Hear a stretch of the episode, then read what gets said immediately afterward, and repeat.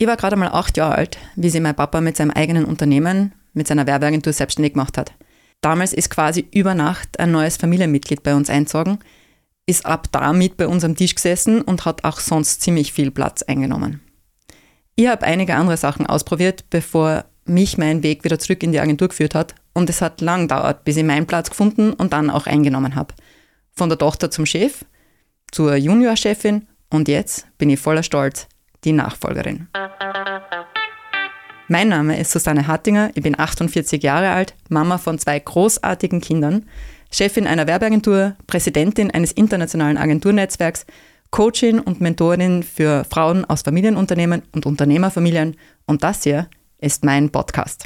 Heute möchte ich mit dir über ein Phänomen reden, das mir immer wieder unterkommt und das gerade in der Nachfolge eine ganz große Bedeutung haben kann, ohne dass es da vielleicht bewusst ist. Es geht um die Ja-Nein-Schwäche. Kennst du das? Hast du das vielleicht selber schon mal gehört? Hast du eine Ja-Nein-Schwäche? Und wenn nicht, dann wundert dich nicht. Ich glaube, das Syndrom habe ich zwar nicht erfunden oder die Schwäche habe ich nicht erfunden, aber die Bezeichnung dafür gibt es, glaube ich, offiziell nicht. Den Namen, glaube ich, den habe ich mir ausgedacht. Aber lass mir mal ganz kurz äh, Geschichte dazu erzählen, dann wird es, glaube ich, recht schnell klar, was ich damit meine. Es gibt so Momente im Leben, die bleiben da für immer in Erinnerung. Da kannst du, wenn du dran zurückdenkst, sofort wieder abrufen, wie das damals war. In welcher Umgebung du dich befunden hast, wer um dich war, wie das abgelaufen ist und auch wie du dich gefühlt hast. Und genau so ein Moment, von so einem Moment möchte ich dir heute erzählen. Es gibt so Momente im Leben, die bleiben dir einfach ewig in Erinnerung. Da kannst du, wenn du dich zurück reinversetzt oder dran zurückdenkst, dich sofort wieder reinversetzen, abrufen, was da in deiner Umgebung war, wer um dich herum war und wie du dich gefühlt hast. Genau so einen Moment hat es bei mir 2006 gegeben. Die Jahreszahl kann ich ganz leicht und sofort abrufen und auch wieder verbinden, weil das war also Zeit, da war der Manuel damals gerade zwei Jahre alt, also ich noch recht frisch Mutter und ich habe nach der Geburt in der Zeit gerade wieder reingefunden, Vollzeit in die Agentur. Jägermeister hat es nicht mehr gegeben. Ich habe andere Aufgaben im Büro übernommen, habe mir gerade mein so, sozusagen ein solides Grundwerkzeug in Form von Ausbildung angeeignet. Den Diplomlehrgang für Werbung und Marktkommunikation habe ich bereits absolviert gehabt und ich war mitten im Vorbereitungskurs für die Unternehmerprüfung. In der Agentur habe ich den Einkauf übernommen, einiges an so organisatorischen Aufgaben und habe in der Administration mitgeholfen und habe auch die internationalen Kontakte gepflegt noch lange keine Rede von Nachfolge oder Geschäftsführung oder Übernahme. Und genau in der Situation ist der Anruf vom Lev gekommen. Der Lev Lindau, das war damals der Präsident von Dialog International. Dialog International ist eines der ältesten Agenturnetzwerke für unabhängige Agenturen, also für Eigentümer geführte Agenturen. Und mein Vater hat sich da sehr früh in diesem Netzwerk engagiert, hat sich sehr früh international ähm, orientiert und da auch mit eingebracht. Also wir waren da schon länger Mitglied und mit dabei. Diese Mitgliedschaft in dem Netzwerk, das war eines der größten Benefits für mich, die es in der Agentur gegeben hat. Diese internationalen Kontakte zu pflegen, meine Sprachen auch anzubringen, aber vor allem dann auch das Mitfahren auf die regelmäßigen Meetings. Alle halben Jahre, also alle sechs Monate, hat es dort ein Managers-Meeting gegeben und ich habe meinen Vater sehr früh dorthin begleiten dürfen. Und es war für mich extrem wertvoll. Erstens, ähm, diesen Einblick zu bekommen. Ich habe unglaublich viel gelernt, sehr interessante Menschen kennengelernt. Dann auch ein bisschen dieses Gefühl zu haben, okay, immer noch eine Spur früher Einblick zu kriegen in das, was in der Branche passieren wird. Die Trends, die Innovationen, das, was da jetzt an Neuem daherkommt, Spuren früher äh, zu haben, als es vielleicht im Umfeld ist. Und dann auch jedes Mal wieder zu erleben, dass wir als kleine Agentur aus der Südsteiermark auf Augenhöhe in den Meetings mit dabei sind. Da waren Vertreter von Agenturen aus ganz Europa am Tisch und teilweise viel größer wie wir, teilweise mit richtig großen, sehr namhaften Unternehmen auf der Kundenliste. Und wir, also als Provinzagentur aus dem kleinen Land Österreich, sind da mittendrin gewesen, mit dabei gewesen. Und es war für mich das Coole, wir sind auch vollkommen gleichberechtigt dabei gewesen, akzeptiert und auch respektiert das in, unsere Meinung war gefragt, wir haben auf Augenhöhe mitgeredet, ich habe mich in vielen Aufgaben eingebracht und da immer wieder mithelfen können und mitgestalten dürfen und es war unglaublich bereichernd. Jetzt aber zurück zu dem Anruf, also zu diesem einen Moment sozusagen. Kann mich echt noch sehr genau erinnern und das auch ganz gut abrufen. Das hat, unsere Sekretärin hat verbunden und hat äh, gesagt, der Herr Lindau aus Schweden möchte mit mir reden. Ich habe natürlich sofort gewusst, ja, das ist unser Präsident aus Schweden. Und da haben wir gedacht, okay, das ist einmal ein Völler, der will sicher mit dem Papa reden und nicht mit mir. Das war dann nicht so. Er wollte tatsächlich mit mir reden. Und er hat angerufen, um mich zu fragen, ob ich mir vorstellen könnte, ihm nachzufolgen. Also die Präsidentschaft von Dialog International zu übernehmen, von diesem Agenturnetzwerk. In dem Moment war es wieder so, also ich meine erste Reaktion war, okay, der meint nicht mich, der meint den Papa. Der möchte gern, dass das der Papa macht. Weil ich habe mir das überhaupt nicht vorstellen können, dass er mich gefragt hat. Ich habe auch gleich nachgefragt. Alle bis dorthin Präsidenten waren einmal auf jeden Fall Männer. Also Frauen hat sowieso in dem ganzen Bereich eher weniger gegeben. Auch in unseren, also in, diesen, in dieser Managergruppe unter den Geschäftsführern hat es ganz wenige Frauen und nur sehr vereinzelt Frauen gegeben. Ich bin in vielen Meetings als einzige Frau mit am Tisch gesessen. Also, und, und die Präsidentschaft war einfach sehr männlich bis dorthin. Und vor allem waren es auch eigentlich ältere Männer, so distinguierte ältere Männer, wie mein Papa halt. Ähm, und es waren Eigentümer der Agenturen. Also keine Angestellten oder Geschäftsführer, sondern es waren eigentlich immer die Eigentümer der Agenturen. Also meine erste Reaktion, ganz ehrlich, war Schock oder gelinde gesagt eine große Überforderung. Also ich war total überrumpelt. Ähm, und er hat mir dann äh, noch dazu, er hat mir dann erklärt, okay, das ist jetzt nicht oder nicht nur meine Idee, sondern die Idee, der Vorschlag kommt eigentlich vom Graham Rust. Der Graham Rust war der Gründer des Netzwerks, das war so die graue Eminenz, also wirklich so die letzte Instanz. Ein Mann, den ich unglaublich respektiert und bewundert habe.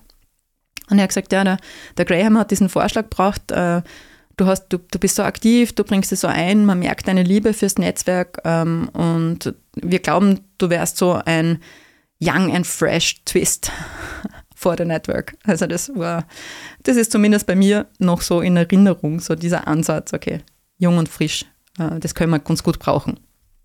Also ich war vor allem total verunsichert, weil ich habe mir das wirklich nicht vorstellen können. Ich war, wie gesagt, nicht einmal noch in der Geschäftsführung bei uns. Ich habe meine Ausbildung erst so halb fertig gehabt. Ich Mama von einem zweijährigen kleinen Zwerg ähm, ich habe auch kein internationales Netzwerk jetzt gehabt. Auch das war was, was die Präsidenten bis dorthin natürlich mitgebracht haben, diese internationalen Kontakte darüber hinaus, über, über dem Netzwerk. Und ich kann mich echt gut erinnern, wie ich dort ähm, am Abend dann heimgegangen bin. Ich habe, glaube ich, nicht viel geschlafen in der Nacht. Und je länger ich überlegt habe, desto mehr gute Gründe habe ich gefunden, warum ich das auf keinen Fall machen kann, äh, weil das einfach nicht möglich ist. Von zu wenig Zeit über einfach auch zu wenig Kompetenz, zu wenig Flexibilität, also dass man nicht einteilen kann, da alles das ist da so hochkommen. Und ich habe damals natürlich auch mein Umfeld so ein bisschen ähm, mir angeschaut und habe auch mit meinem damaligen Mann, also mit dem Papa von meinen Kindern, darüber geredet, dass ich die, eben dieses Angebot gekriegt habe und was er da davon haltet. Und er hat mir das ja zugestimmt. Also er hat gesagt, nein, das ist wirklich, es ist jetzt ein blöder Zeitpunkt. Du hast sowieso sehr wenig Zeit, du hast so viel zu tun in der Agentur, ähm, dann noch dazu die anderen Aufgaben mit äh, Ausbildung, das läuft parallel eh schon ein bisschen schwierig. Ja, dazu noch die Familie, da ist eh nie Zeit. Also er hat mich da eigentlich noch ähm, bestärkt in meiner eigenen Annahme und hat gesagt, das ist äh, einfach jetzt ein schlechter Zeitpunkt. Also gar nicht so sehr, du kannst es nicht, sondern ist halt jetzt gerade schlecht. Die Umstände passen jetzt nicht so richtig. Ja, und bis am nächsten Tag in der Früh war ich dann auch recht überzeugt davon, das geht halt jetzt einfach nicht. Ich würde es voll gern machen, ähm, ich fühle mich super geehrt, aber das packe ich nicht, das kann ich nicht. Und bin dann ins Büro marschiert, ich habe meinem Vater am Vortag noch gar nichts davon erzählt gehabt, ähm, bin dann direkt hin zu ihm äh, und habe ihm und habe ihm das erzählt. Eigentlich war ich sehr sicher oder eigentlich, glaube ich, unterbewusst sehr überzeugt davon, dass er das auch so sehen wird dass es jetzt halt einfach nicht der richtige Moment ist. Und ja, ich war vollkommen überrascht, weil wie ich ihm das erzählt habe, wie ich ihm gesagt habe, du, der Leif hat mir angerufen und hat mir dieses Angebot gemacht, die Präsidentschaft zu übernehmen, hat er gesagt, gratuliere, wie großartig, super, richtig gute Idee, du wirst es sicher gut machen. Also ich weiß nicht jetzt, ob das ganz genau die Worte waren, die er damals verwendet hat, aber bei mir ist das so hängen geblieben. Er hat auch gleich gesagt, ja, na, habe ich gesagt, was, wieso, wieso ist das eine gute Idee? Und er hat gesagt, na, du hast Erfahrung in dem, ich war damals schon fast zehn Jahre lang sozusagen Sekretärin im, in unserem politischen Netzwerk. Er hat gesagt, du hast es jetzt so gut gelernt, wie man so einen Haufen organisiert, wie man die Leute motiviert, was, wie man mit Mitgliedern umgeht. Du verstehst ihn mit jedem, dir liegt das Netzwerk am Herzen, die interessiert das Thema. Also gute Wahl, sehr gute Idee. Und ich war ganz baff. Also mit dem habe ich wirklich nicht gerechnet. Und es hat mich natürlich extrem gefreut, aber ich habe auch trotzdem gleich gesagt, du Papa, aber das geht einfach nicht. Ich habe die Zeit nicht. Ich habe es, wie soll man das organisieren? Und er hat gesagt, das schaffen wir schon. Du hast meine Unterstützung, du hast die Unterstützung von der Agentur. Wir werden das mit der Familie hinkriegen. Die Mama hilft sich ja. Ich weiß nicht, ob man, wenn wir sie direkt gefragt hätten, ob sie auch so reagiert hätte, aber sie hat, sie hat mir unglaublich geholfen. Und er hat gesagt, die wissen schon, warum sie dich fragen. Die wissen schon, auf was sie sich einlassen und du kriegst es hin. Um es kurz zu machen, ich habe dann wirklich Ja gesagt. Irgendwie wahrscheinlich auch noch mit diesem Hintergedanken, die müssen mich ja auch erstmal wählen. Also wir haben dann im nächsten Meeting, ja, ist dann sozusagen dieser Wahlvorschlag eingebracht worden und dann hat die Mitgliedschaft es ja auch erst bestätigen müssen, beziehungsweise mich wählen müssen. Und ich glaube, irgendwo ist es da so herumgeschwirrt, äh, okay, jetzt habe ich zwar Ja gesagt, aber ja, mal schauen, ob die mich dann wirklich äh, überhaupt wählen. Ja, haben sie dann gemacht. Beim nächsten Meeting, das war in Istanbul, und ich habe knapp davor erfahren, dass ich wieder schwanger bin. Also, dass ich das zweite Kind bekomme. Und für mich war das ein Riesenthema, für die Verantwortlichen dort nicht. Also, die haben das eigentlich ja, zur Kenntnis genommen, aber jetzt gar nicht so wirklich besprochen. Ich bin dort gewählt worden und bei meinem nächsten Meeting oder beim nächsten Meeting, äh, sozusagen mein Antrittsmeeting, mein Inaugurationstreffen, ähm, also das erste Meeting, wo ich als Präsidentin vorgestanden bin, das war dann in Dubrovnik und ich war im achten Monat schwanger. Auch so ein Moment, den ich ganz sicher nie vergessen werde. Und anders als ich, glaube ich, haben das die anderen Manager sehr, sehr cool gefunden. Also die, die haben da gar nicht äh, das als irgendwie negativ oder als einschränkend äh, beachtet, also vor allem mich mit, in meiner Schwangerschaft, meine ich jetzt, sondern ich glaube, das war irgendwie so der Gedanke, hey, wir haben jetzt eine Präsidentin in unserem Netzwerk, die ist nicht nur jung und noch dazu eine Frau, sondern auch noch schwanger. Also progressiver geht es ja gar nicht, oder? Also ein, ein richtig cooles Zeichen für so ein internationales Agenturnetzwerk. Das war die Geschichte zur Ja-Nein-Schwäche und damit du vielleicht auch noch ein bisschen mehr Gefühl dafür kriegst, ähm, auch noch was Zweites dazu, eine zweite Geschichte, eigentlich keine richtige Geschichte, sondern eher eine Beobachtung. In den zwei Jahren danach, also in den zwei Jahren meiner Präsidentschaft, habe ich gefühlt so viel gearbeitet wie noch nie vorher. Nicht, weil es von mir gefordert worden wäre oder weil es jetzt wirklich so viel an Mehraufwand war, sondern hauptsächlich deswegen, weil ich ständig versucht habe, jedem zu beweisen, dass das die richtige Entscheidung war, dass das eine gute Wahl war, dass ich das schaffe, dass ich das kann, dass ich in der Lage bin, da diese Erwartungen zu erfüllen. Und die Erwartungen waren hauptsächlich meine eigenen.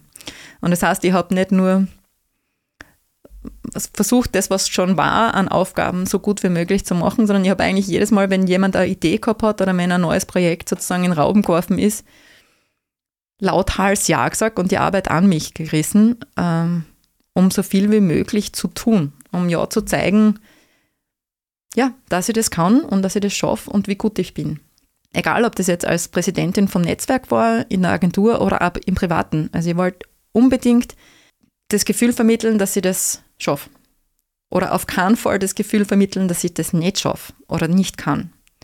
Und ich wollte es auch unbedingt allen recht machen. Also ich wollte allen, allen Wünschen, allen Erwartungen gerecht werden. und habe natürlich auch extreme Angst gehabt davor, dass es irgendjemand nicht gefällt oder dass da Ablehnung kommt. Und genau das meine ich mit der Ja-Nein-Schwäche. Das Phänomen bei zusätzlicher Arbeit, bei zusätzlichen Aufgaben nicht Nein sagen zu können und bei der Möglichkeit, eine Führungsposition oder generell einen Schritt in die erste Reihe zu machen, nicht Ja sagen zu können. Ich habe das immer wieder auch bei anderen beobachtet und aus meiner ganz persönlichen Wahrnehmung heraus ist es ein eher weibliches Phänomen. Also zumindest in dieser Ausprägung gibt es ja umgekehrt. Also es gibt ja Leute, die zu jeder Position Ja sagen und zur Arbeit immer Nein. Aber das ist ganz ein anderes Thema. In dieser Ausprägung, glaube ich, ist es tatsächlich ähm, was tendenziell weibliches. Sind es eher die Frauen, die dazu neigen, immer noch ein bisschen mehr zu tun, mehr zu leisten, sich mehr anzustrengen, mehr Aufgaben und Arbeit zu übernehmen und sich auf der anderen Seite wirklich schwer tun und sehr zögerlich sind dabei, wenn sie die Möglichkeit haben, sichtbar zu werden oder in die Sichtbarkeit zu gehen, eine Position einzunehmen, eine Führungsposition vor allem und ähm, da eben auch in die erste Reihe zu treten. Wie überall ist es natürlich so, dass das eher tendenziell ist. Also ich würde jetzt nicht sagen, dass alle Frauen und alle Männer so sind. Im Gegenteil, Gott sei Dank. Und ich kenne ganz viele Frauen, die, auf die das überhaupt nicht zutrifft. Das ist eine sehr tendenzielle Wahrnehmung. Es gibt Frauen, die sind so super in der Lage, klar zu kommunizieren, was sie leisten können und wollen, die sich sehr gut abgrenzen können und auch ohne Schwierigkeiten Nein sagen können zu Dingen, die sie nicht machen wollen und die auf der anderen Seite sehr überzeugt und sehr schnell Ja sagen, wenn sie Ja sagen, wenn sich Chancen ergeben ähm, und sich dann auch in diesen Führungspositionen behaupten und da richtig, richtig gute Performance abliefern. Und Gott sei Dank ist es so, weil das ist, glaube ich, eines der wichtigsten Faktoren, die wir brauchen, damit wir die Veränderung zusammenbringen. Vorbilder. Also so Role Models. Frauen, die zeigen, dass das geht, die, die dieses Bild darstellen und Vorbild sind. Das ist immer noch rar. Wir haben immer noch viel zu wenige Frauen in Führungspositionen. Wir sind immer wieder mit Bildern von wichtigen Ereignissen, Konferenzen und Diskussionsrunden konfrontiert, auf denen keine, also keine einzige oder nur ganz wenige Frauen zu sehen sind. Und wir brauchen diese Vorbilder. Wir müssen das sichtbar machen. Das ist was, was ich für mich jetzt auch in meinen Entscheidungsprozess ganz weit vorn mit einfließen lasse. Ich denke mir immer auch, wenn ich gefragt werde, ob ich jetzt zum Beispiel auf einer Veranstaltung sprechen will, ob ich eine Funktion übernehmen will, ob ich in einer Diskussionsrunde mit dabei sein will, ob ich irgendwo in die erste Reihe gehen will, ich mache das nicht nur für mich. Ich mache das auch für alle anderen, die noch nicht diesen Schritt wagen, die da vielleicht noch ein bisschen das Problem haben, darüber zu gehen und sich das auch zuzutrauen. Jede Frau, die sich traut, ist ein Vorbild für andere und zieht andere mit. Und deswegen ist es so ein bisschen auch fast Verpflichtung, dass wir uns da dran machen und dass wir diesen Schritt auch wagen und uns sichtbar machen. Falls du jetzt gerade mit dem Kopf nickst und äh, da denkst, ja genau, ich habe diesen Schritt schon gemacht, ich bin genauso eine, die Führungsposition einnimmt, die da auch sich klar dafür entschieden hat, sichtbar zu werden, vorne zu stehen, dann habe ich eine riesen Bitte. Und zwar nimm bitte, wenn du irgendwie die Möglichkeit hast, Frauen mit unterstütze sie, motiviere sie, animiere sie, zeige ihnen, dass es möglich ist und mache es auch mit möglich. Schau, dass du so viel wie möglich Frauen mitziehst. Wenn du eine Möglichkeit hast, Frauen in Positionen zu bringen oder nach vorne zu bringen, dann tu das und leg da besonders Augenmerk drauf. Da geht es gar nicht darum, dass man jetzt irgendwie Frauen bevorzugt oder dass sie ein, ähm, ein, ein Männerproblem hätte. Im Gegenteil, ich glaube ganz fest dran an diese Diversität, dass uns die Diversität gut tut, dass uns mehr Weiblichkeit gut tut, dass uns die Vermischung gut tut. Ich glaube, es ist wichtig, dass wir aktuell das einfach schaffen, dieses Bild zu verändern und dass wir die Gesellschaft so, wie sie ist, auch abbilden und nicht nur einen Teil der Gesellschaft abbilden. Und wenn du dir jetzt auf der anderen Seite das anhörst und da denkst, ja, genau, ja, nein, Schwäche, okay. Ein schönes Wort für das, was bei mir tatsächlich ist. Das ist genau meine Herausforderung immer wieder. Aber so gut das auch alles klingt, ich weiß nicht, wie ich das machen soll. Bei mir geht das nicht oder es ist einfach nicht machbar. Dann habe ich jetzt fünf Tipps für dich. Also fünf so Schritte, die dich vielleicht dabei unterstützen, die dir helfen sollen, dass du diesen Weg auch gehen kannst. Schritt Nummer eins ist Bewusstsein. Bei allem, was mit uns, mit unserer Wahrnehmung, mit unserem Handeln, mit unserem Tun, mit unserem Denken zu tun hat, ist es im ersten Schritt wichtig, einmal Bewusstsein zu schaffen. Also sich einmal klar zu machen und sich einmal bewusst zu werden, dass da überhaupt sozusagen ein Thema gibt. Ja, dass ich diese Ja-Nein-Schwäche überhaupt habe. Oder dass ich vielleicht ein Problem habe, in gewissen Situationen Ja und in gewissen Situationen Nein zu sagen. Wenn du dir dessen bewusst bist und wenn du dir das klar gemacht hast, dann ist der erste Schritt sozusagen schon getan und dann ist ein guter erster Schritt getan. Und dann kannst du noch ein bisschen tiefer gehen, indem du da vielleicht Gedanken drüber machst, okay, wo ist denn das gewesen, wo ich eigentlich Ja sagen hätte müssen oder sollen? Und warum habe ich es nicht gemacht? Was hat mich davon abgehalten? Was würde ich vielleicht jetzt anders machen? Was würde ich in der nächsten Situation machen, wo sowas auf mich zukommt? Und wo habe ich vielleicht zu schnell Ja gesagt oder Ja gesagt in einer Situation, wo ich in Wirklichkeit Nein sagen wollte? Und warum habe ich das gemacht? Was liegt da dahinter? Also Bewusstsein zu schaffen für das Thema an sich. Das ist einmal der erste Schritt. Der zweite Schritt ist, schau, dass du dir Unterstützung holst, dass du einen Mentor dir suchst, eine Mentorin suchst.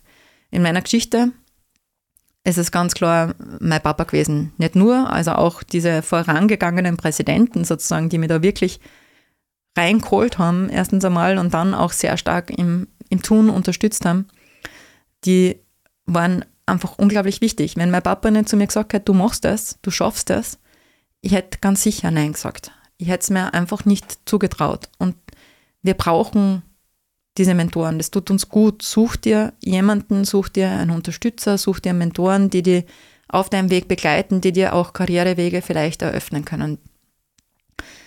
Es ist immer noch eine männliche Domäne.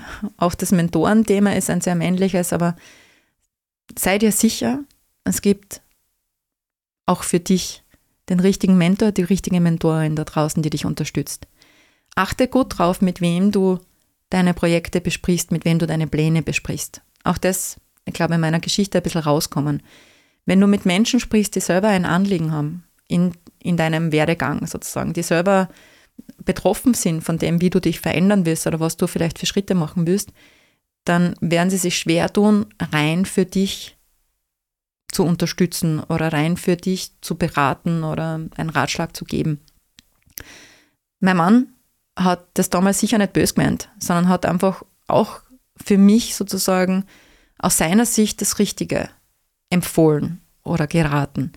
Nur es war halt aus seiner Sicht auch aus seinem Bedürfnis geprägt. Es hätte für ihn eine große Veränderung und es hat dann auch eine große Veränderung bedeutet. Und natürlich hast du dann ein eigenes Bedürfnis drinnen. Also such dir Mentoren, Unterstützer und achte auf der anderen Seite sehr gut drauf, mit wem du deine Projekte besprichst und mit wem du deine Pläne besprichst. Achte gut drauf, wo die Menschen sind. Ob sie dort sind, wo du hin willst, oder ob sie in einem Bereich sind, aus dem du sozusagen ja dich gerade wegentwickeln willst. Der dritte Tipp, der dritte Schritt ist Selbstvertrauen stärken, dein Selbstbild prüfen. Auch das war, glaube ich, in meiner Geschichte ganz klar, in meiner Situation damals ganz klar. Das Außenbild, das Fremdbild war eklatant anders als das Selbstbild, das ich gehabt habe.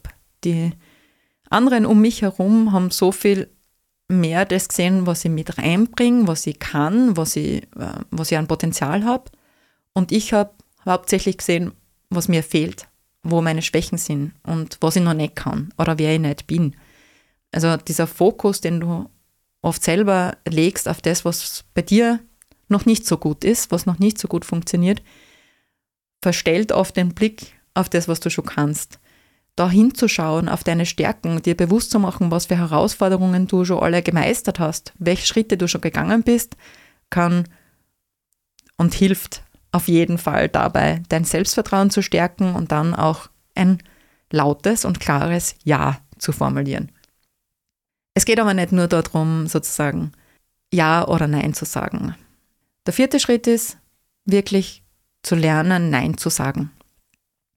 Nein zu sagen in Situationen, wo es vielleicht auch ein bisschen wehtut. Und wehtut heißt dann meistens, man hat das Gefühl, man lehnt den anderen ab, man weist den anderen zurück. Also die Entscheidung, ein Nein zu formulieren, ist oft ein gegen jemand anderen. Da hilft es, den Blick zu drehen, die, den Blick darauf zu drehen und zu sagen, okay, das ist kein Nein dem anderen gegenüber, sondern ein Ja zu mir. Klar abzugrenzen und zu sagen, das will ich und das will ich nicht, klare Grenzen zu ziehen, ist eine Entscheidung für dich und nicht eine Entscheidung gegen jemand anderen. Also lerne Nein zu sagen. Und dann geht es in Wirklichkeit nicht darum, Ja oder Nein sagen zu können oder immer zu allem Ja zu sagen oder zu allem Nein zu sagen, sondern eigentlich geht es darum, in der richtigen Situation Ja zu sagen und in der richtigen Situation Nein zu sagen. Und was ist richtig? Richtig ist immer nur so, wie es für die richtig ist. Also in der Situation, die für die richtig ist. Es kann auch sein, dass du zu einer Aufforderung, zu einer Einladung, einen Schritt nach vorne zu gehen, Nein sagst und das aber ganz bewusst machst. Und es kann sein, dass du zu mehr Aufgaben, zu mehr Arbeit Ja sagst und es kann auch vollkommen richtig sein. Was du brauchst dafür, um diese Entscheidung treffen zu können oder um ein klares Ja und ein klares Nein zu sagen, um diese Ja-Nein-Schwäche in eine Ja-Nein-Stärke zu verkehren, ist Klarheit. Du brauchst Klarheit darüber, wer du sein willst, was du sein willst und wo du hin willst. Und wenn du diesen Weg klar vor dir hast, Klarheit über deinen Weg hast, dann kannst du auch fundierte Entscheidungen treffen. Entscheidungen treffen, die nicht aus dem Bauchgefühl herauskommen, sondern die dir auf deinem Weg helfen. Du kannst dann abwägen und kannst sagen, okay, dieses Angebot, ist das hilfreich? Unterstützt mich das? Bringt mich das weiter auf meinem Weg? Eröffnet mir das sogar vielleicht noch einen, einen weiteren Schritt, den ich gar noch nicht im Kopf gehabt habe? Oder ist das was, was mich von meinem Weg abbringt, was einen Umweg darstellt und was mich vielleicht sogar dazu bringt, dass ich von meinem Weg so weit abweiche, dass ich mein Ziel nicht mehr erreichen kann? Und darum geht es, Klarheit zu haben über den Weg und da dann aus dem heraus Entscheidungen zu treffen und Nein oder Ja zu sagen. Und somit wird dann deine Ja-Nein-Schwäche eine Ja-Nein-Stärke. Da steckt ganz viel Persönlichkeitsarbeit drinnen. Und die lässt sich tatsächlich oft leichter mit Hilfe von außen erledigen oder mit Hilfe erledigen. Ein Coach kann dich dabei sehr gut unterstützen. Er kann dir dabei unterstützen, deine Eigenwahrnehmung zu schärfen und dadurch das Vertrauen in dich und in deine Fähigkeiten und dein Potenzial zu stärken. Er kann dir helfen, Klarheit über deine Ziele und den Weg dorthin zu bekommen und hilft dir schlussendlich auch dabei, ein Ja oder ein Nein überzeugt und klar zu formulieren. Als Coach bin ich dein größter Unterstützer, dein größter Fan. Ich sehe dein Potenzial wahrscheinlich besser, als du es sehen kannst und ich bin immer fest davon überzeugt, dass du das schaffst. Falls du das möchtest, dann melde dich bei mir und wir reden darüber, wie ich dich auf deinem Weg begleiten kann. Und bis dahin freue ich mich, wenn dir mein Podcast begleitet und du auch bei der nächsten Folge mit dabei bist. Die Nachfolgerin gibt es jeden zweiten Freitag frisch auf Apple Podcasts, Amazon Music und Spotify. Und dazu natürlich auch mit mehr Infos auf meiner Website dienachfolgerin.at. Am besten abonnierst den Podcast gleich, damit du keine Folge mehr versäumst. Ich freue mich über deine Bewertungen, Kommentare und gern auch über deine Fragen. Impulse für zukünftige Themen oder wenn du einfach Anregungen hast, vielleicht selber Erfahrungen gemacht hast, gern auch über Facebook, auf Insta oder auf LinkedIn. Und falls du jemand weißt, der diesen Podcast unbedingt auch hören muss, dann freue ich mich natürlich über deine Weiterempfehlung. Das war's für heute. Die Ja-Nein-Schwäche und wie du sie zu einer Stärke machst. Großes Dankeschön fürs Zuhören. Mein Name ist Susanne Hattinger. Ich bin die Nachfolgerin und das hier ist mein Podcast. Cut. Und wer hat's produziert? Das Pod. Deine Podcast-Agentur.